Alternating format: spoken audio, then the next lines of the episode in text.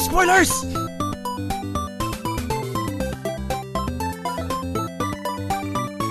No spoilers.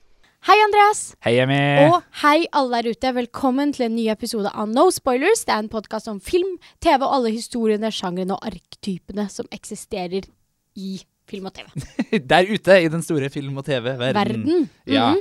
Eh, I mediet. I med, ja, Ja. i mediene. Eller, men ikke papirmediene, for Nei, eksempel. Det har vi ikke i snakket om så mye. medie, film og TV. Ja. Hvis man kan si at det er et medie. Er det et samlemedie? Vil du si at film og TV er hvert sitt medie? Eller et samlemedie? Det er jo på en måte skjerm, da.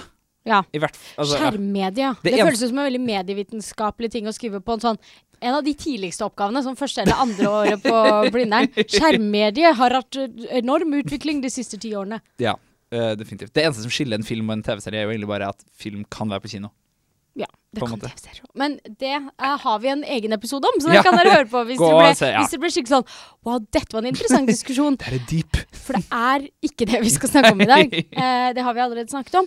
I dag skal vi snakke om uh, den isolerte mannen, og i noen få tilfeller kvinnen. Ja. Og når det kommer til det, så har jo jeg Vi hadde noen sånne miniepisoder i fjor. Ja. Og da fikk jeg lov til å sette meg ned og rante litt om menn mot natur. Som jo på en måte overlapper ganske kraftig i mange Har mye tilfeller. til felles. Uh... Eh, men da følte jeg liksom at jeg raste gjennom ganske mye av eh, det. Men det er ikke, det er ikke helt ferdigsnakka likevel, for den varte jo bare fem minutter. Mm. Men vi prøver derfor å trekke litt mot andre eksempler enn akkurat menn mot natur. vi skal ikke snakke om The Revenant en gang til. Vi skal ikke snakke om The Revenant en gang til, og så slipper vi at jeg blir så sint. For det er ikke noe hyggelig. Og jeg blir utrolig sint av eh, å bare tenke på det akkurat nå. Så derfor skal vi snakke om andre isolerte menn, Ja. og i noen få tilfeller kvinner. Mm. Og vi kan egentlig bare gå i gang. Ja.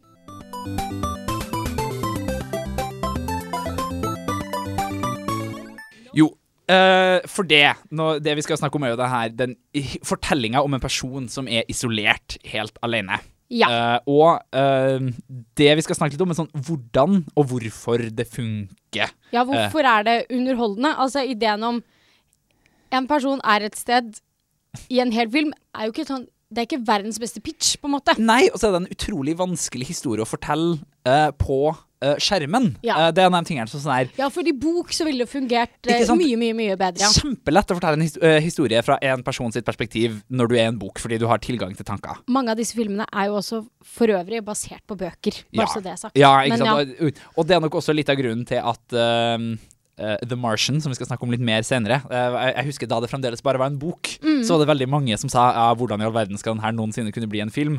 Eh, det kommer til å bli en av de filmene som jeg bare kaster sammen, og så funker den ikke i det hele tatt. Og så ble det en film, og så sa alle at den fungerte kjempebra. Bare sånn, å, det her er kjempebra. Hvordan kunne dette vært en bok? Og hvordan kunne det bli så bra, da? Ja, ikke sant? Fordi Og, og nå skal jeg prøve sånn her. Det, det som ofte funker for de her eh, type filmer, er jo at de er spennende. At du du er litt sånn her on the edge of your seat når du ser dem. Utrolig uh, Utrolig sånn her uh, spenningsfullt å se en person som prøver å oppnå noe når det på en måte bare er dem alene Uh, mot på en måte en sånn altomfattende uh, utfordring som Ja. er, er filmen. Og det Grunnen til at man greier å skape spenning, vanligvis, er jo fordi at du vet hva som står på spill. Mm. Du som seer vet hva helten prøver å oppnå, og hva som må til for at de skal greie det. Ja. På en måte. Uh, det, bare tenk på alle de spennende scenene du noensinne har sett, så, uh, som du syns har vært sånn her ordentlig spennende å se på. Så er det nesten alltid grunnen til at du syns det er spennende, er fordi at du er sånn her OK, jeg vet akkurat hva de må gjøre, og når det oppstår en utfordring, så er det liksom Å nei, det her stopper den tingen. Ja. Og jeg vet akkurat hvorfor det her nå går feil, på en Ja. måte. Og så kan du bare følge med. Men du må, du må du må tro og vite at det er en sjanse for at de skal kunne gjennomføre. Altså, De må Ja. inneha kompetansen eller kunnskapen Ja. til å gjøre denne tingen. Men så er det noe annet, en eller annen utenforfaktor, som fucker det opp. Som Ja, regel. ikke sant? Eh, Og det er da du sitter med hjertet i halsen. Og da tenker jeg sånn, nei, det er så utrolig vanskelig i denne type film når de bare er alene. For Ja. det snakker vi om, sånn den isolerte eh, mannen slash dama, den isolerte personen, som skal prøve å løse det her. Og det da må du jo ha en måte du kan skjønne hva de prøver å oppnå. Ja. Og det er ikke alltid så lett når de Nei, er alene. Nei, for da har jo den derre den der monologgreia som man jo får i litteratur. Altså du kan Ja. skrive side opp og side ned som bare er stream of consciousness. Mm. Og Jo da, man kunne hatt en karakter som liksom konstant gikk og snakka med seg selv. Ja. Men det ville føltes eh, litt kunstig i noen tilfeller, også bare veldig slitsomt. Fordi da, da Hvis det først skulle være en karakter som snakka med seg selv hele tiden, så ville ikke den skille hvis det skulle være realistisk, da, eh, Mm. mellom det som var interessant for publikum å vite at han tenkte på, og det som ikke var interessant for publikum Ja, å vite at han tenkte på. Ja, og det er en av de få eh, sånne overgangene til liksom fra teater da, til film. Uh, når du ser synlig på teater, så kan folk slippe unna med å liksom snakke til publikum. Ja, gå Eh, for langt fram på scenen og sa sånn I går var jeg Ja, ikke sant? Og på film så er- fungerer det nesten aldri. Det fins, liksom. Det, det, det skjer at de snakker med seg selv. Ja. Men det blir stort sett en sånn ting som tar deg ut av realismen. House of Cards. Ref. Ja, men House of Cards gjør det på en måte i hvert fall litt annerledes. da Men når du har en sånn her En TV-serie fra 90-tallet der helten går for seg selv, og så er det sånn Jeg er nødt til å få fram det poenget her. Så da bare plutselig bestemmer helten seg for å snakke med seg selv. Liksom. Ja. Og det, det er litt sånn hvor, Når snakker Litt folk med seg ja. selv? Ja, ikke sant? Og i hvert fall i sånne her filmer som gjerne vil virke realistisk, Mm. eh, eller som er avhengig av at du kjøper inn da i det de gjør, så er det litt dumt. Så da må de finne andre måter å gjøre det på. Ja, og de, Ja. Kan, de kan jo Da må de på en måte kanskje skape noen å snakke med, eller Ja. flashbacks, da. Ja, ikke sant? Eh, så du har på en måte noen å snakke med, så har du sånn Wilson i Castaway, Ja. eller et kamera. Kanskje de har en videodagbok, en eller annen slags logg, et webkamera, altså hva som helst sånn der. Det er jo det fine med sånn nå moderne teknologi, når alle går rundt med et eller annet i lomma, så Ja. er det på en måte mye mer troverdig med en gang at du skal finne fram et eller annet for å forklare deg selv til dem som finner Ja. deg senere, eller noe sånt. Eh, en, en chatlog eller eh, en robot. Hvis det er litt sånn sci-fi, så kan vi gjerne være alene med en robot. ja, sant. Eh, og så blir det nye sorgelementet idet den roboten dør, for det gjør den alltid. Den Ja. siste menneskelige kontakt. Eller et kjæledyr, hunden til Will Smith. Eh, Ja, for eksempel i perioder i, eh, i I Am Legend. ja, sant. Eh, altså noen som man har sånn Å, vi må gå inn her og se. Å, det ser litt skummelt ut. Kanskje du skal gå inn først. Mm. En, du- en du kan på en måte unnskylde deg til hvorfor snakker du med hunden? på en måte? Ja. Jo, fordi at du, du føler litt kontakt, samtidig som du opprettholder det at det er bare Will Smith alene i verden. på Ja, en måte. Altså, man han, kjøper at hvis man har vært ensom i en, over en lengre periode, Mm. så kommer man til å ønske å kommunisere på et eller annet vis, og man tar litt det man får. Ja, ikke sant. Uh, helt klart. Uh, og så er det et annet element som er i sånne her eh, filmer, er jo også det her med å forstå Med å greie å få fram hvorfor vi sympatiserer med helten, på en måte. Ja. Uh, og det er veldig vanskelig, særlig i sånne filmer når det skyldes at de har gjort noe feil, eller noe har gått galt, at de er isolert. For det er jo ofte et eller annet Altså, eh, når du plutselig er helt alene, på en eller annen måte helt avknytta, så er det fordi noe har gått galt, vanligvis. Ja, Um, i verden. Ja, Leonardo DiCaprio i The Revenant, på, Revenant, på en måte, når han ble angrepet av den bjørnen. Sånn, det var ikke meninga at det skulle skje. Nei. Og så må du få forstå på en eller annen måte at det var ikke bare at Leonardo DiCaprio var en sånn idiot som gikk ut i skogen, og alt er bare hans skyld. Da, tenker, da føler jeg det er komedie. Komedien er en person som har endt opp alene. Men det er fordi de har fucka opp, eller de har sovet altfor lenge. Ja. Eller liksom ha-ha, et eller annet morsomt premiss hvor det viser seg hvor de etter hvert finner ut sånn Oi, fuck, dette var min skyld. Og så har du drama. Der ender de opp alene, men det er ikke deres skyld. Nei, sant, og du må på en eller annen måte få fram at ja, greit, eh, Leonardo DiCaprio hadde kjipt nå, og han ble angrepet av den bjørnen, og det kom uh, uventa, men han er ikke en sånn idiot som bare går ut i skogen og så skjer hva som helst. Du må få fram at han er flink og dyktig, og Ja. vanligvis ville ikke den tingen her skjedd. Og det er veldig vanskelig når, din, nei, når historien din stort sett handler om den gangen det gikk galt. Ja. Uh, og det er også vanskelig når man er helt alene og ser den ene situasjonen. Og det har du på en måte også i The Martian, hvor eh, de rett og slett tror at Matt Damon er død, og forlater han. Ja. Eh, eller iallfall at han er ikke til å redde.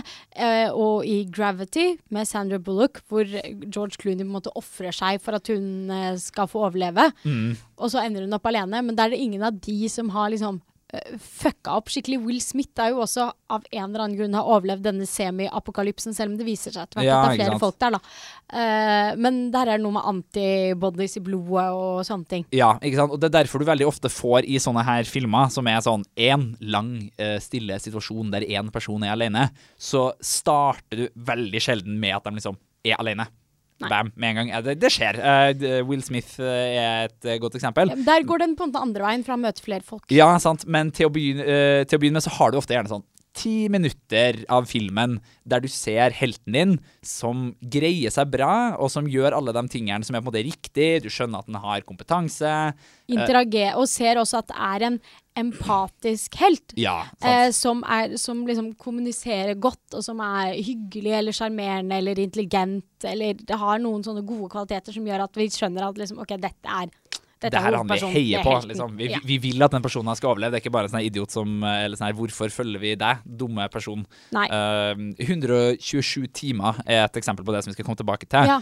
Uh, der du på en måte Hvis han bare var en random fyr som var, var og gikk i fjellet, og på en måte datt ned og satte seg fast i den sprekken med, med den steinen, så hadde det vært sånn her det der får du når du går alene i fjellet som en idiot og ikke don't leave a note, på en måte. Mm. Men vi får se at han her var faktisk dyktig. Han vet, visste hva han drev med, han hadde gått i fjellet før. Han øh, vet hvor Han kjenner liksom stedet. Han kan- Området og så han- det han- han driver på med. ikke sant? Så da er det litt mindre sånn her Åh, for en idiot, hvorfor skal jeg se på han i 127 timer? Heller enn Oi, wow, det gikk galt med en, selv om han på en måte hadde all den uh, Kompetansen sin. Ja, og der kan man også bruke litt sånn flashbacks utover filmen til hvordan Ja. de har lært uh, skillsene sine, og også gjerne til det som står på spill, altså familie eller partner som er hjemme, eller venner, eller hva som helst. Ja. Well, regardless, I would rather take my chance out there on the ocean than to stay here and die on this shithole island, spending the rest of my life talking to a goddamn volleyball! Shut you up. Vi har jo ofte noen sånne faste eh, steder, elementer, omstendigheter som går igjen i de her eh, filmene. Altså, og gjerne dra fram tre steder som ofte er, eh, ofte er eh, scenen for der dette dramaet skal utspille seg. Det ene er skogen slash naturen, sånn som i The Revenant og 127 timer. Altså, naturen er en av de tingene som vi mennesker enda ikke helt har klart å kontrollere. Vi har på en måte Vi har klart å uh, fucke opp og legge jernhånda vår over veldig mye av verden. Men naturen, menneske mot natur, ja. Som eh, Emmy elsker. ja, har vi enda ikke klart å vinne over. Og derfor er det også noe som er litt farlig med eh, skogen og naturen. Da. Hvis eh, en naturkatastrofe oppstår, så har mennesket ingenting de skal by på hvis de ikke har beskyttelsen sin, på en måte Ja. rustningen sin, som er den moderne verden. Og derfor er det et veldig bra sted. Og det er også eh, føles ganske uendelig stort. Man kan forsvinne i skogen eller på fjellet eller langt ut på havet. Og da er det på en måte ingen vei tilbake. Det er en skam å snu, du kommer deg ikke noe sted. Nei, sant. Særlig sånn hvis du er på havet, havet da. Type Ja. den derre Life of Pi. Ja. Liksom, hvis du er på havet, hva gjør du da, liksom? Da er du på havet, da. Det er ingen vei å gå. Nei, nei. Du er stuck der, liksom. Yes. Og så har du den neste som uh, for så vidt er, Det er en mer moderne versjon, men uh, har litt de samme egenskapene, som er verdensrommet. Fortsatt uh, veldig uoppdaga i ekstremt stor grad. Faktisk uendelig, ikke bare opplevd uendelig. Og de er, de er ofte lenger unna enn noen andre har vært før. Altså det, det ligger noe sånn ære i å gjennomføre det her oppdraget, eller liksom die trying. Um, og de, de vet ikke hva som venter dem. Det er også et sted som er såpass uoppdaga at det kan hende det kan komme en sol, solvind, er det det heter? ja. Eh, en en uoppdaga planet, en meteor en, Det er mange Mm. elementer som kan dukke opp som kan ødelegge det her. Da. Det er noe som mennesket ikke kan kontrollere. Atter igjen. Og det siste er et postapokalyptisk samfunn, som også ganske ofte man kan ende opp alene, selv om veldig mange av de tingene som har vært postapokalyptiske de senere årene, har endt opp med å bli mer sånn ensemblespill. Ja, det handler jo ofte om å bygge et samfunn, på en måte. Ja, Men det er jo ofte, ja, ofte kult å se når de er helt alene. Ja, og der har du ofte den kontrasten i at det var et sted som pleide å være kjent, men sånn som det er nå, så er det uoppdaga. Og plutselig har du ingen av den tryggheten og sikkerheten som du hadde Nei, og før moderne, apokalypsen. Sant? Ja. moderne samfunnet som beskytter deg, da, og de må orientere seg i tidligere kjent miljø. Så alle disse miljøene har på en måte til felles at eh, beskyttelsen har falt bort. Og nå må du klare deg på egen hånd uten alt det som vi er så opptatt av for å få trygghet som moderne mennesker. Og du må overleve, og du må gjennomføre oppdraget ditt uten alle de ressursene du pleier å ha. Jeg synes det er så gøy. Sånn, hvis, du, hvis du tar det, da. Hva, hva, hvor kan de filmene her skje? Mm. De kan skje i naturen, altså ikke i byen. eh, I verdensrommet.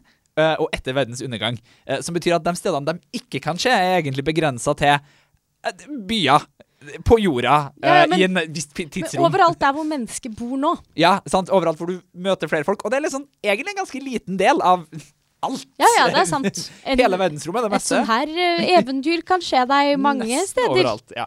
Ikke Nordmarka, du må lenger opp enn det, for Ja, men, med, men, ja, med mindre det er postapokalyptisk. Men, men de ja. fleste steder som moderne mennesker ikke oppsøker ja, så ofte. Ikke sant? Eh, Folk flest er jo ved andre folk, på en måte. Ja, og, men iallfall må isolasjonen oppleves som absolutt. Og de, Mm. eh, hvis de risikerer å på en måte støte på noen Det skjer jo for øvrig i The Revenant at han støter på uh, voldelige Men da er det også noe sånn De fremmede altså, Ja, men det føles også sånn naturaktig, for det er liksom den der indianerstammen som Uh, til tross for at det er litt sånn semi-racist, liksom ikke er mennesker på samme måte. For de er urmennesker. De er så brutale og forferdelige, da. Igjen i hermetegn. Ja, det har vært litt som om han i The Martian hadde møtt Mars-borda. Ja. det, sånn, det er såpass fremmed og annerledes at du kan ikke forvente noe hjelp der Nei. i gården. Du kan ikke få noe forbindelse, eller Du er ikke redda for at de kommer. Nei. Nei. Så, eh, så Og så har man på en måte ganske tydelig premiss, som Mm. regel, eh, med hva som står på spill. Ja. 127 timer, det er jo på en måte i Vi venter egentlig bare på at det skal slutte å være 127 Ja, timer. og, jeg, ja. Eh, og Sandra Bullock blir etablert at hun har bare eh, så og så mye oksygen. Ja, sant? Eh, og også at det er skader på romskipet hennes. Mm. Eh, kapselen har ikke nok drivstoff til å ta oss tilbake til jorda. The Martian, der har det også vært enten solvind, og alle ressursene hans er ødelagt. Og han må liksom bygge det opp på nytt før oksygen og maten går Mm. ut igjen. Ja, sant. Så det, er- vi får en sånn helt klar sånn Du er alene, du har begrensa med tid, og du har et mål du må nå. Ja. Uh, bam! Gå. Vær alene. Hey, Gertie, since I've been up here, I've sent Tess. I've sent her over a hundred video messages. Where did those messages go? Did they ever reach her? Sam, I can only account for what occurs on the base. What about the messages she sent to me? Sam, I can only account for what occurs on the base. Jo, så nå skal vi gå litt gjennom et par sånne filmer. Ja, som, eh, konkrete eksempler på ja, det vi snakker om. Filmer der uh, en person har vært isolert, og vi følger dem på en måte gjennom den isolasjonen. Den første vi skal snakke om, er den som vi allerede har nevnt noen ganger. Det er Mm. 127 timer, eller 127 hours, uh, som vel er basert på en sann historie. eh, jeg er ganske sikker Ja, ja, ja, det er det. Det er av en fyr som da var ute og liksom gikk i fjellet. Eh, og så Og som var en erfaren uh, Ja. natur... eh, man naturmann. En hiker, som man kaller det på Ja. Men ikke en hiker. Fjellklatrer. Ja, en, en fjellets mann. Mm. Uh, og, som da er spilt av James Franco i den filmen her. Som da uh, feller ned og havner med armene si klemt mellom på en måte klippeveggen og en, stein, Ja. i en sånn herre En slags ravine, på en måte, sånn at du har vegg på begge sidene. Og så sitter steinen imellom, og så armene hans klemt innimellom. Sånn, Ja. Arma er jo Og der blir han i 127 timer, dere. Som er litt over fem døgn. Eh, tenk på det. Uh, Det er Eh, ganske lenge. først og fremst au. Uh, og så når du er ferdig med au, så er det liksom Hva gjør du nå? Ja. Um, og det er vel egentlig det han nå tenker. ja, det er jo det filmen handler om. Altså, Ja. Det handler om å holde seg i live, og etter hvert løse situasjonen. Fordi et, førstepri på en måte blir det å holde seg i live, men så forstår man at det går ikke an å holde seg i live og være her. Nei, sant. tida, så Og sånn, hva skjer med deg når du har vært der etter hvert? Uh, og den filmen er liksom akkurat sånn som vi snakka om. eh, Du, har, du starter med et sånt kort segment av at han driver og går opp i fjellet. Han har gjort det før. Han snakker med noen Han treffer to damer, eller Ja, noe sånt. treffer to Ja. andre damer som er da type sånn mindre erfaren enn han, så han hjelper dem, viser dem liksom sånn kulp som han vet hvor er, og kan Ja. liksom Så han får muligheten til å være litt proff. Eh, sånn at vi skjønner at han her er en erfaren mann, han vet hva han driver med. Uh, og så, bam, ulykka. Uh, skjer ganske fort, egentlig, før han så på en måte er stuck der. Men det er ikke noe vits å en måte dra ut det der, fordi alle vet jo hva filmen du, du ser det på coveret, liksom. Ja. Plakaten er han som henger med den Sitter der fast steinen. under den Ja. steinen. Mm. Uh, så ingen vits å på en måte dra det ut. Og så helt i starten så prøver han liksom desperat å få til å liksom bli, Hvordan kan jeg få til å ordne det her, sånn at jeg kan ikke dette ned? Ja. Uh, og så etter hvert så blir det det nye status quo på en måte i fortellinga.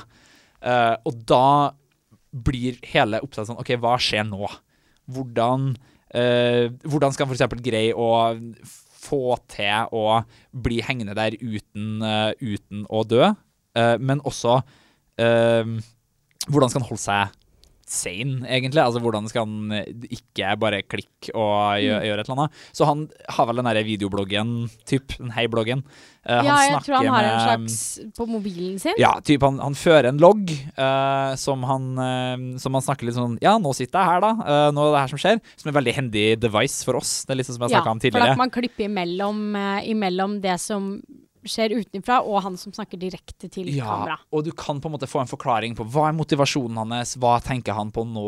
Eh, du løser på en måte den der helten snakker med seg selv-problemet på en veldig enkel måte.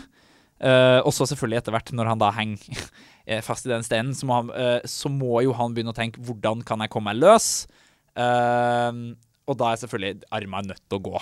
Eh, det Helt i starten så tror jeg han liksom prøver å kutte bort av steinen med kniven sin. Ja. Uh, som sikkert ville vært det første alle av oss ville ha prøvd. For sånn her, hvordan kan jeg prøve å få armene mine til å komme ut av det her? For det er kjipt å miste armene si. Du vil først ta steinen, Ja, dernest armen. Ja, så, og så må han på en måte Så må vi se at OK, greit, du har jo en kniv. Det er jo Alle kommer til å si til deg sånn OK, du er nødt til å kutte av deg armene, på en måte. Og så viser Men de det blir jo også en bra sånn level up, fordi Ja. selv om du bare er på det samme stedet, så må man se at de tester ut én ting, det funker ikke, så må de Mm. teste noe mer ekstremt, som da det neste leddet blir først ødelegge steinen, så prøve å skjære av seg Ja, for desperasjonen blir høyere, på en måte. Hva gjør jeg nå? Jeg har, jeg har en kniv. Armen min er ganske most der allerede. Jeg er nødt til å ta armen. Han er nødt til å gjøre det offeret. Men så viser han ganske lett Nei, du kan jo ikke skjære av en arm med en lommekniv, liksom. Han begynner å skjære. Så sånn Du har ikke noen ting til å gjøre at armene dine liksom ikke gjør dødsvondt med. Ja. Eh, Og for det andre, du får ikke til å brekke bein med kniven din. Så Nei. eh, han er stuck der, liksom. Og så har du på en måte mer og mer og mer hallusinasjoner. Og det blir etter hvert i den filmen måten å vise hva han tenker og hva han gjør på. Fordi som vi har snakka om tidligere, når vi har snakka om drømmer og sånne ting, eh, du må greie på en eller annen måte overbevisende vis at en person tenker mer og mer og mer sånn usammenhengende.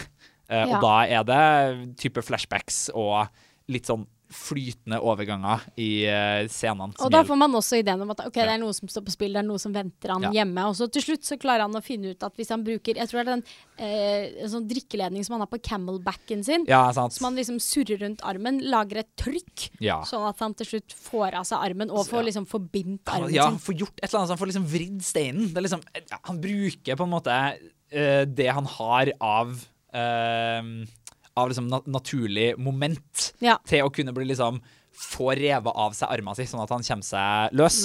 Ja, Som er helt uh, forferdelig, men uh, som er det man må gjøre når man Ja. eh, sitter fast i skogen. Og skogen. så altså. kommer han seg ut og er ensom uh, mann Uten arm. Ja, Ja. men er ensom mann no more. Ja, ikke sant? Og det er, er jo i hvert fall bra. Og så lærer vi alle sammen en lekse av det her. For selvfølgelig den store feilen han gjorde, var at han ikke la igjen en lapp der han fortalte noen hvor han skulle. Så Eh, egentlig er det fjellvettreglene. ja, det er liksom det. That's why you always leave a note. Det er regelen om å si fra til folk hvor du går hen. Det er min mam. Har du sett Arrested Development?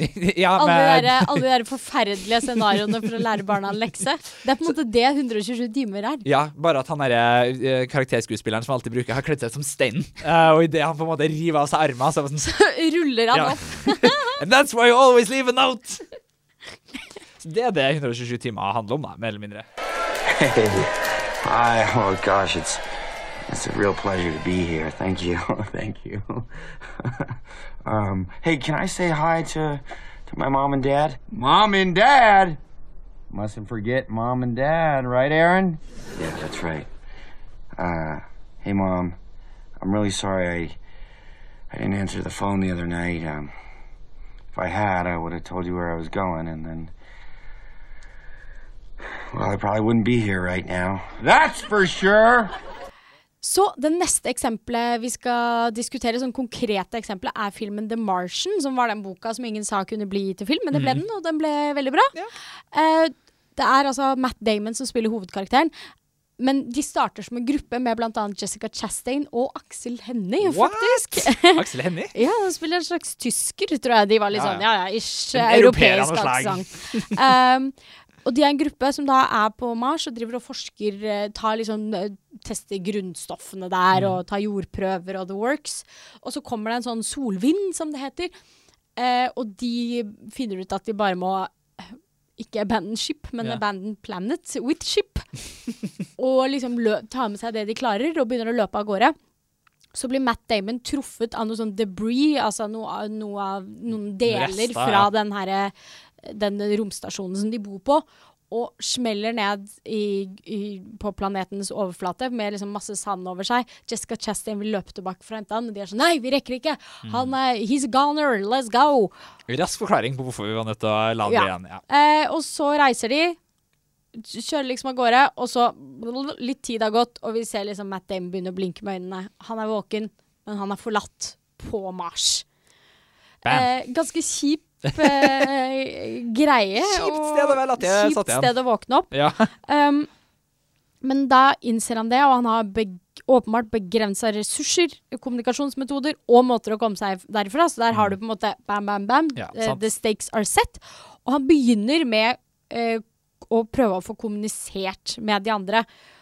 Og det tenker jeg Altså, det er jo viktig fordi han vil kommunisere at han fortsatt lever, men samtidig så tenker jeg at det er kanskje den tingen eh, som er mest viktig for publikum. Hvis jeg hadde vært Matt Damon, så hadde jeg kanskje begynt med mat. ja, sånn er. Men, men det er viktigst historiefortellingsmessig at han kommer i gang med den kommunikasjonen, sånn at han har en måte å kommunisere også med oss på. Ja, ikke sant. Sånn at han får noen å snakke til. Ja. Og det går veldig seigt i starten. Dette er jo en ganske lang film. Eh, fordi de får ikke satt opp video. Det tar en stund før de liksom får i gang liksom video og faktisk kommunikasjon. Eh, så han, han, eh, han lager et slags alfabetsystem i sanda, hvor de på en måte de får tatt bilde hvert femte minutt. Det får de til.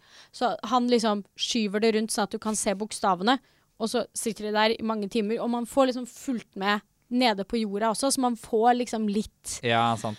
eh, litt av andre folk som snakker sammen, men det er primært handler om Matt Damon, da. Og så eh, har han en sånn videodagbok som han ikke får streama ned til dem, men som han, kan, han bruker for å liksom, både for å holde seg ikke gal, sane, eh, men også som et verktøy for oss for at vi skal vite hvilken dag det er, for det sier han alltid sånn dag, eh, dag 132. Eh, nå tror jeg at Kom og se, jeg har begynt å komme i gang med matlaginga mi. Oh, se her! Og så filmer han litt rundt. sant. Nå skal jeg ta meg en dusj. veldig bra som fortellertekniske grep. Det Ja. å få, få dem til å opprette en videoblogg. Liksom. Det, Eh, og da kan vi forstå hva han tenker på, og hva han har å jobbe med. Hva er, de, hva er disse delutfordringene som bringer oss liksom bare litt og litt videre, før man liksom up the stakes igjen, da.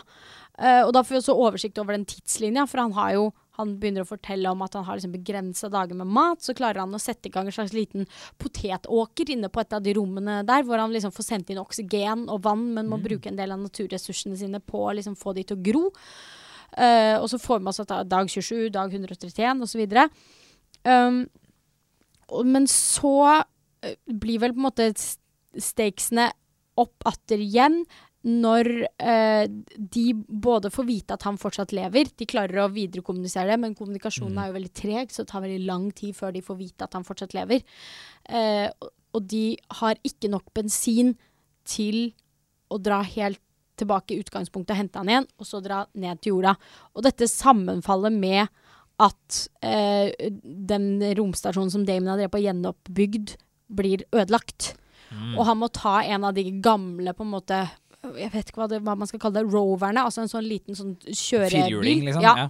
Hvor han også finner ut at det er et gammelt chatsystem som de kan få tilgang til der nede på jorda, hvis de Ah. klarer å finne fram en gammel datamaskin eller et gammelt system. Og så kan han chatte med dem og kjøre et eller annet sted hvor de kanskje kan finne han, og så finner også de som er oppe på romskipet ut at hvis de bruker dette skjønner jeg ikke helt det tekniske med det, men hvis de bruker gravitasjonsfeltet til jorda til å på en måte slynge dem tilbake igjen, og ikke kjøre helt inn i atmosfæren til Mars, for det er visstnok som at å starte opp en bil er det som bruker mest bensin, så er det på en måte det å lande på planeten og komme seg vekk igjen når atmosfæren jobber mot dem. Det er Ja, det som bruker mest bensin, så da må man liksom bruke en liten pod kjøre opp igjen. Eh, kjøre opp, og han ender opp med å måtte eh, For han har så lite bensin, så han må bruke trykk fra drakta si, så han må ta hull på drakta si og liksom skyte seg helt fram til romskipet for å møte dem. Men da har han altså vært alene i mange hundre dager, tror jeg. Uh, ja, sant. Men han klarer, han klarer overraskende godt å holde seg i en OK psykologisk form. Ja, Psykisk Psykisk form. Jeg, jeg lurer sånn på om Er det bare en sånn ting som um, Hollywood har funnet på? At folk er nødt til å ha noen å snakke med for å ikke bli liksom syke i hodet av å være alene? For det, at det, det er bare en sånn ting som har funnet på for at det skal være mer sannsynlig at rollene i filmene deres eh, lager videodagbøker og, uh, og sånne ting. Det er sånn oppdaga at på sånn, Nei, folk kan være alene hele livet. Jeg vil vil jo tro at Jeg ser for meg at hvis jeg hadde vært alene Nå er jo jeg en skravlete person, men hvis jeg hadde vært alene, så hadde jeg nok hatt noe behov for å skravle med et eller annet. Finne en liten volleyball og liksom En volleyball, en teddybjørn, en bøtte som jeg hadde tegna fjes på med tusj. Whatever.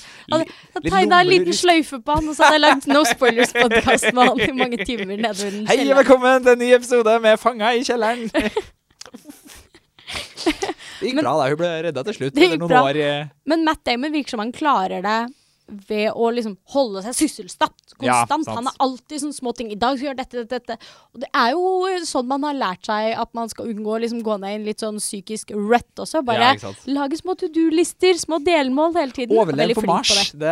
det. Det, det er en god, god måte å gjøre det på. Ja, men det er på en måte Så der har du eh, naturen Mm. og eh, Mars. Men det er jo ganske like miljøer likevel, som, er, eh, som ikke er hensiktsmessig for mennesker å være i Ja. over veldig lengre perioder. den har mye til felles med sånn der Oi, nå er vi helt for oss selv. I nat altså, det kunne vært i naturen, på en måte. Du er nødt til å finne ut hvordan du skal Mars og den eh, ørkenen som man er i, ligner for øvrig litt på hverandre også. Ja, det er jo sånn, det er sant. De kunne de, spilt inn på samme sted. Ja, de bruker jo gjerne ørkena på jorda når de skal spille inn Mars, så det er jo eh, Er, er det ikke sånn at så altfor rart, nei. er det ikke sånn at alle ørkener du ser på TV, er liksom en times kjøretid fra Hollywood, liksom? Det er i California. Late Ja. motherfuckers, ass. I mean, what does that do to a man psychologically? The hell is he thinking right now? I'm definitely gonna die up here. If I have to listen to any more god awful disco music. My God, Commander Lewis, couldn't you have packed anything from this century? Så skal vi snakke om enda en eh, film som er i verdensrommet. Uh, det her er nettopp fordi at Emmy hater menn mot naturen, så derfor har vi gjort det så lite som mulig natur og mest mulig verdensrom. Nei da. Verdensrommet er helt eh, Det har jeg ikke noe imot. Bare imot dumme menn i naturen er egentlig det verste jeg vet. Så derfor har vi her en smart dame i verdensrommet. Det er greit. det, det er alt Emmy vil ha Det er helt for. Det er jo omtrent den eneste filmen vi kunne finne der det er en dame som er Ja, det er hovedrolle den, en og sånn. så er det en som heter Wild, eh, som handler om en dame som skal gå over ørkenen eh, i Australia. Hmm. Eh, men der er den også sånn møte på folk med ujevne mellomrom. Ja, men der sant. er det på en måte det nærmeste jeg har funnet sånn en dame som skal erobre naturen alene. Nei, Wild, så går hun oppover den derre trailen som er i Vent litt, faen. Går hun i Australia? Nei, Wild er Reese, Reese, Reese Witherspoon, som går eh, en sånn trek som går oppover hele USA. Ja, OK. Det var en kult. annen film jeg tenker om som også er en dame alene, som går Australia. Det er jo masse filmer med damer. Ja, men det er natur, da! Ja, ja, kan vi ikke ta da. litt space? Jo da. eh, Kult, kult, kult. I need Eh, some space. OK, da begynner vi på den filmen vi skal snakke om. Sandra Bullock i verdensrommet. I Gravity. Gravity. I Gravity, riktig. Uh, og der har du også denne her sånn her Hun kommer opp til eh, den her romstasjonen som uh, de, de er på. Der er det jo flere folk. Mm. Hun er noe sånn biolog eller noe sånt her. Ja. Ja, hun har en eller annen sånn spesialkompetanse, i hvert fall. Som at hun er, hun er ikke liksom astronaut, først Nei. og fremst. Hun er, Nei, hun er en, en dame med en ja. PhD som også er astronaut, astronaut. Og da skjønner man sånn Det er som regel relativt kompetente fått mennesker. kvalifikasjonene sine på plass, på en måte. Ja. uh, og så skal hun Og der er hun litt sånn her bam, bam, bam, snakke litt uh, kulen med de forskjellige guttene. Uh, på en måte vi etablerer bare sånn OK, hun her er en helt. Det Mm. bra. Uh, skal ut med George Clooney og gjøre en sånn spacewalk i eh, verdensrommet. Ja. Og da får vi på en måte etablert hva det er som skjer, for det kommer noe sånn ræl fra Sånn steinstorm-type met ja, ja, men det som, meteorstorm. jeg tror det er rester fra en satellitt, en russisk satellitt, Ja, som ja, har blitt ja, sprengt. Av at eh, Russland liksom skyter med en rakett for å ødelegge en eh, sånn satellitt, og så blir den satellitten på en måte kommer og uh, kjører forbi dem. Som er sånn ganske grei forklaring, for sånn sannsynlighet for at du skal bli truffet av noe i verdensrommet, er liksom Minimal. Ja, mye, mye plass i verdensrommet. Selv om så nære jorda som dem er, så er det litt mer uh, sannsynlighet for Ja. det. Men, uh, men det er bare sånn OK, rett i nærheten, noen sprengte en greie, den treffer dere. Bam. dere er ute ja, alene. Ja, for da, for da eh, heiser de seg begge ut for å liksom prøve å fikse eh, Ja. Fikse romskipet. Det heter romskip, ja. Det Ja. som et barnslig uttrykk. Romskipet! Det er, litt, det er litt som å kalle det en sjørøver. På Ja. en måte, som er sånn her er ikke det, er det, Fins det ekte sjørøvere? Føles Ja, det som et barneuttrykk. Men, eh, men og så eh, kommer det flere sånne deler, og så innser de at den, den kabelen som de på en Mm. måte bruker, ikke er sterk eller lang nok til å liksom holde dem begge. Så George Clooney ejecter seg selv som den helten han er. Ja, ikke sant. Eh, Han er en gammel mann, hun er en ung dame, og da er det sånn her Dra og lev. Og så ser hun liksom at han bare forsvinner inn i space. Og så er hun faktisk alene resten av filmen.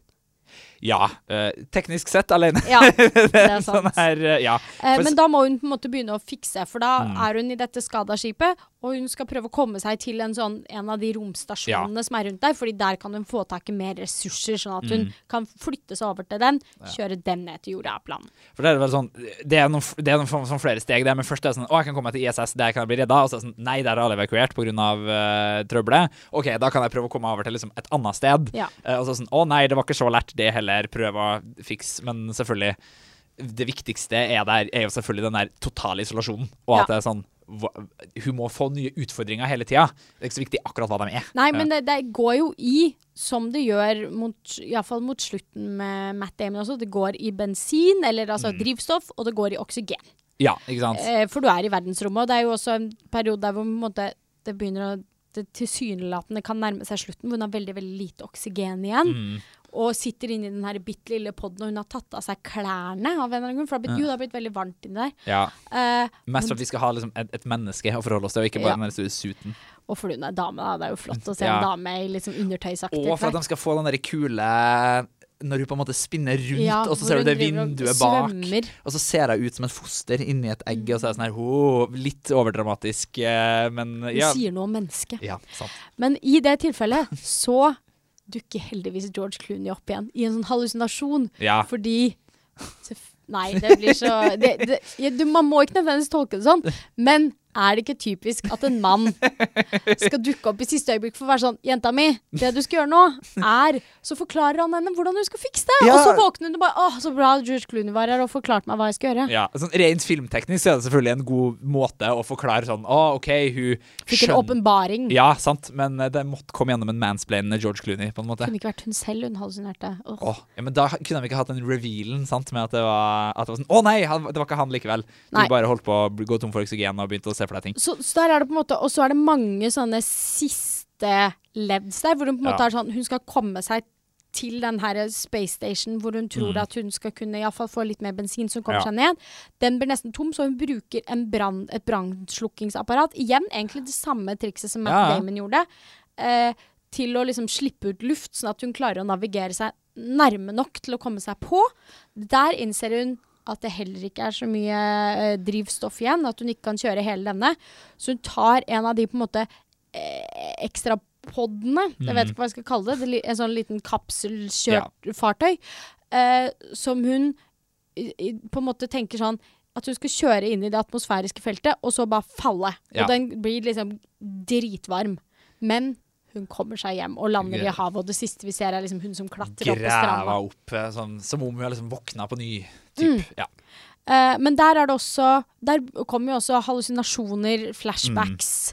Eh, du, hun har den kompetansen, sitter liksom og blar gjennom manualen for å prøve Ja, å finne ut av akkurat hva det er hun skal gjøre. Men vi må se litt mer enn bare hun som blar i bøker. på en måte Ja. Vi må ha enten at liksom George Clooney kommer og sier 'husk å gjøre sånn og sånn', og så må vi ha litt sånn her flashbacks med sånn her 'Å ja, selvfølgelig, det er derfor vi bryr oss om deg, Sandra Bullock'. Ja, du har, du har også noen Ja. å komme hjem til hjemme. Du har noe Ja. som betyr noe, som, Ja. du, som står på spill, som du har lyst til å se igjen. Mm. Du vil ikke bare forsvinne inn i verdensrommet for alltid. Extra, little extra battery power. It helps I didn't have you around to distract me. I have to say, I'm glad to see you. I didn't think you were gonna make it. Did you find the vodka? You never told me where. Oh well. Where it was. So.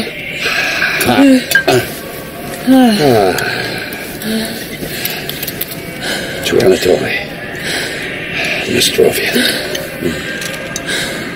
Ja, så da har vi kommet innom tre filmer, på en måte. Ja. eh, på eh, superkort tid, som vanlig. Um, Bare sånn rask oppsummering av det vi har snakka om. Mm. Eh, det, her, det vi har sett i den filmen, er jo litt sånn Du må få etablert rollen din. Enten gjennom Uh, Enten å vise litt i starten, sånn som alle gjør her. Ha noen å interagere med. Vanlig fellesscene, ja. Ja, sant? altså Vise litt mer enn bare 'her er vi i problemet'. Du er nødt til å få uh, vist hva rollen tenker på.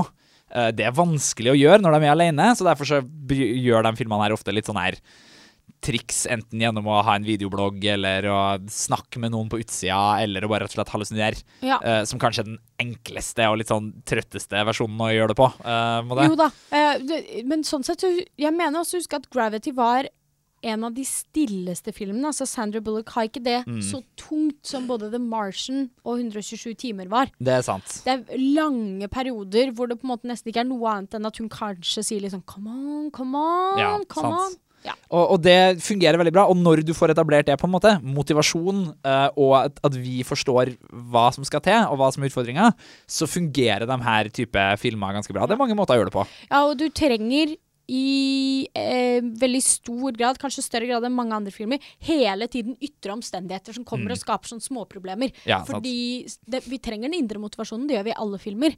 Men her er det mye mer nødvendig at det også er masse krefter utenfra som hele tiden prøver å ødelegge. Du kan ikke ha sånn som i sånne vanlige actionfilmer der de på et eller annet tidspunkt begynner å krangle med hverandre, og så er det sånn her Å nei, oppdraget kommer til å feile fordi de begynner å krangle. Sånn, Ja, men det er bare hun. Ja. Hva, ja, ja, det er bare den personen. Så det, eh, da tror jeg vi på en måte Ja. rapper den delen Put a nice in bow nice bow. Ja. Ja. Så håper jeg at dere fikk noe ut av det. Ja. Uh, og så skal vi gjøre vårt nå faste segment. Ja. Faste innslag. Hva ser du på? Ukas anbefaling. Bam, bam, bam, bam. Ikke stjele fra Radioresepsjonen. Ja. eh, Skal vi begynne med meg? ja. Hva har du sett på i det siste, Amy? Um, I det siste har jeg begynt å se på The Crown, som ligger eh, på Netflix nå. Ja, hele, hele sesongen. Og det er jo Egentlig har jeg jo aldri vært sånn superfan av kostymedrama. Det snakka Mm. vi om i den episoden hvor jeg snakka om kostymedrama, hvor jeg følte eh, og skammer meg fortsatt for det begrepet jeg brukte, men jeg kommer til å bruke det igjen. At kostymedrama er litt kjerringete Ja. å se på. Eh, men jeg syns at uh, The Crown er ganske hyggelig. jeg. Det er fint å se på nå. Ja, men nå er det sånn Det er rett før jul, det er ikke så mye nytt sånn TV-ting som skjer. Så uh, vil jeg se på Queen Elizabeth and How She Got the Crown. Ja, det vil jeg. Liksom, britisk. Masse deilig kolonialisme som eh, ikke blir så problematisert. Deilig kolonialisme. Flotte klær, flotte kjoler. Alle har, alle har liksom Det er fine møbler. Det er bare liksom deilig å se på. Du, se på det liksom Hvis du har en helg som det bare er drittvær, og du bare har lyst til å være inne, som er alle helger nå, eh, se på The Crown og drikk litt te og kos deg. Og det er Netflix-produksjon, ikke sant? Netflix-produksjon, ja. Så da har vi jo en viss tiltro til at han vet hva han driver med. Ja, ja, måte. ja. Det, er ikke, det er absolutt ikke dårlig. Det er Nei. bare meg og kostymedrama som er en sånn semidårlig match. Men så tror jeg jeg ble litt mett på det også, for jeg så Kongens nei, og så dro jeg hjem og så to episoder av The Crown. Så tenkte jeg nå er det for mye monarki på meg på én dag. Men jeg klarte meg. Ja, og vi skal fortsette med statsledere, nemlig. Fordi det jeg har begynt å gjøre det siste, jeg begynte å se The West Wing igjen. Uh, ja, eller så, eh, jeg, jeg så det aldri ferdig uh, til å begynne med, så jeg har på en måte begynt å se de siste par sesongene. Men hvis, Står det fortsatt sterkt? Det er bra. Det er- er i sesong fem nå, eh, Mhm. og det er på en måte den som er anerkjent. For jeg, folk husker kanskje at Per Anders snakka om det da han var her. Ja. at det er på en måte den sesongen som knakk litt, for da dro Aaron Sorkin Kan noe sånn. være anerkjent for å være dårlig? Eh, Ja, eller sånn, det, det, det er anerkjent av dem som liker det, at femte er den dårligste. på en måte, ja, eller sånn, ja. Det var den Så du er litt in the rut nå? Uh, ja, uh, men for all del. Altså, uh, det, det har føltes mer og mer riktig de siste ukene å på en måte se en sånn, her, en sånn god, sterk amerikansk president som bare går inn og alltid mener det riktige, og, og bare sånn, er sånn god og snill. Ja. De folkene som styrer USA i den TV-serien, de bare ønsker det beste, alltid. Og når det går dårlig, så er det alltid liksom alle andre sin skyld. Og det er alltid fordi liksom politikken er for korrupt, eller eh, folk er så slemme. Men det er bare sånne her gode mennesker som ønsker å gjøre USA bedre. Uh, og det Det er jo akkurat sånn Trump prøver å portrettere seg. jo, men det er det helt motsatte. Det er jo det politiske yeah. systemet som er ødelagt. Han vil jo bare make America great again. Ja, mens Ja, uh, sant. Uh, West Wing derimot har vi en. West Wing handler om en økonomiprofessor som vet hva han snakker om, Ja. som er president i USA. Ok, så West Wing of the Crown, da. Ja. Hvis er mest interessert i presidenter versus kongelige. Det er egentlig mona monarkisme mot republikanisme. Det er Ja. vi snakker om her. ME står sterkt for kongehuset, for... Eh, det er eh, til en annen podkast, den diskusjonen.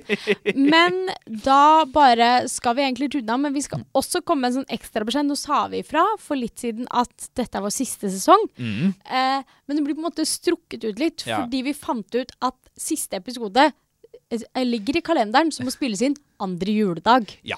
Det er jo ikke kjempeaktuelt for meg iallfall. Jeg bor ikke i Oslo, det gjør jo ikke du heller. Nei. eh, så Eh, eller vi bor i Oslo, men Ja. vi er ikke i Oslo i feriene, for det er ikke her vi kommer ifra. Nei, Så, så, derfor kommer vi til å spille inn siste episode eh, Over den nyttår. 2. januar, Ja, antageligvis. Den kommer den uka. Antageligvis torsdag femte, er ikke Ja. det det blir? Ja. Så da får dere en, eh, en eh, nyttårsepisode som også er den siste Mm. episoden vår. Så får vi liksom tid til å jobbe litt ekstra med den i jula også. Og det Ja. Jo bra, man vil jo go out with a bang. ja, ikke sant. Så eh, siden vi ikke har noe annet å gjøre i jula, så skal vi på en måte bak litt eh, på det ordentlig. Og, Det blir bra. ja. Så eh, det var det. Takk for nå. Følg oss eh, på Facebook og Twitter på No Spoilers Pod. Mm. Og gi oss noen stjerner og en eh, liten kommentar på iTunes Ja. hvis dere vil. Det hjelper veldig. Selv om det nå begynner å nærme seg slutten, så setter vi fortsatt pris på anerkjennelse fra dere. Så Herregud, det vil alltid, alltid, Ja. hvis, hvis det renner inn om et par år òg, så blir jeg kjempefornøyd. Bare- Det er jo det som er bra med podkast. Hvem som helst kan begynne å høre på det når Ja, som helst. Selv om de her TV-seriene kanskje er litt utdatert om noen år. Men, Ja, ja. Ja, ja. OK. Det var det. Yes! Ha det bra. Ha det bra. Emmy Henriette Netka og Andreas Thomassen Slørdal, produsert av M1 Rettenetka. Jingle er laga av Joakim Fossum. Monster.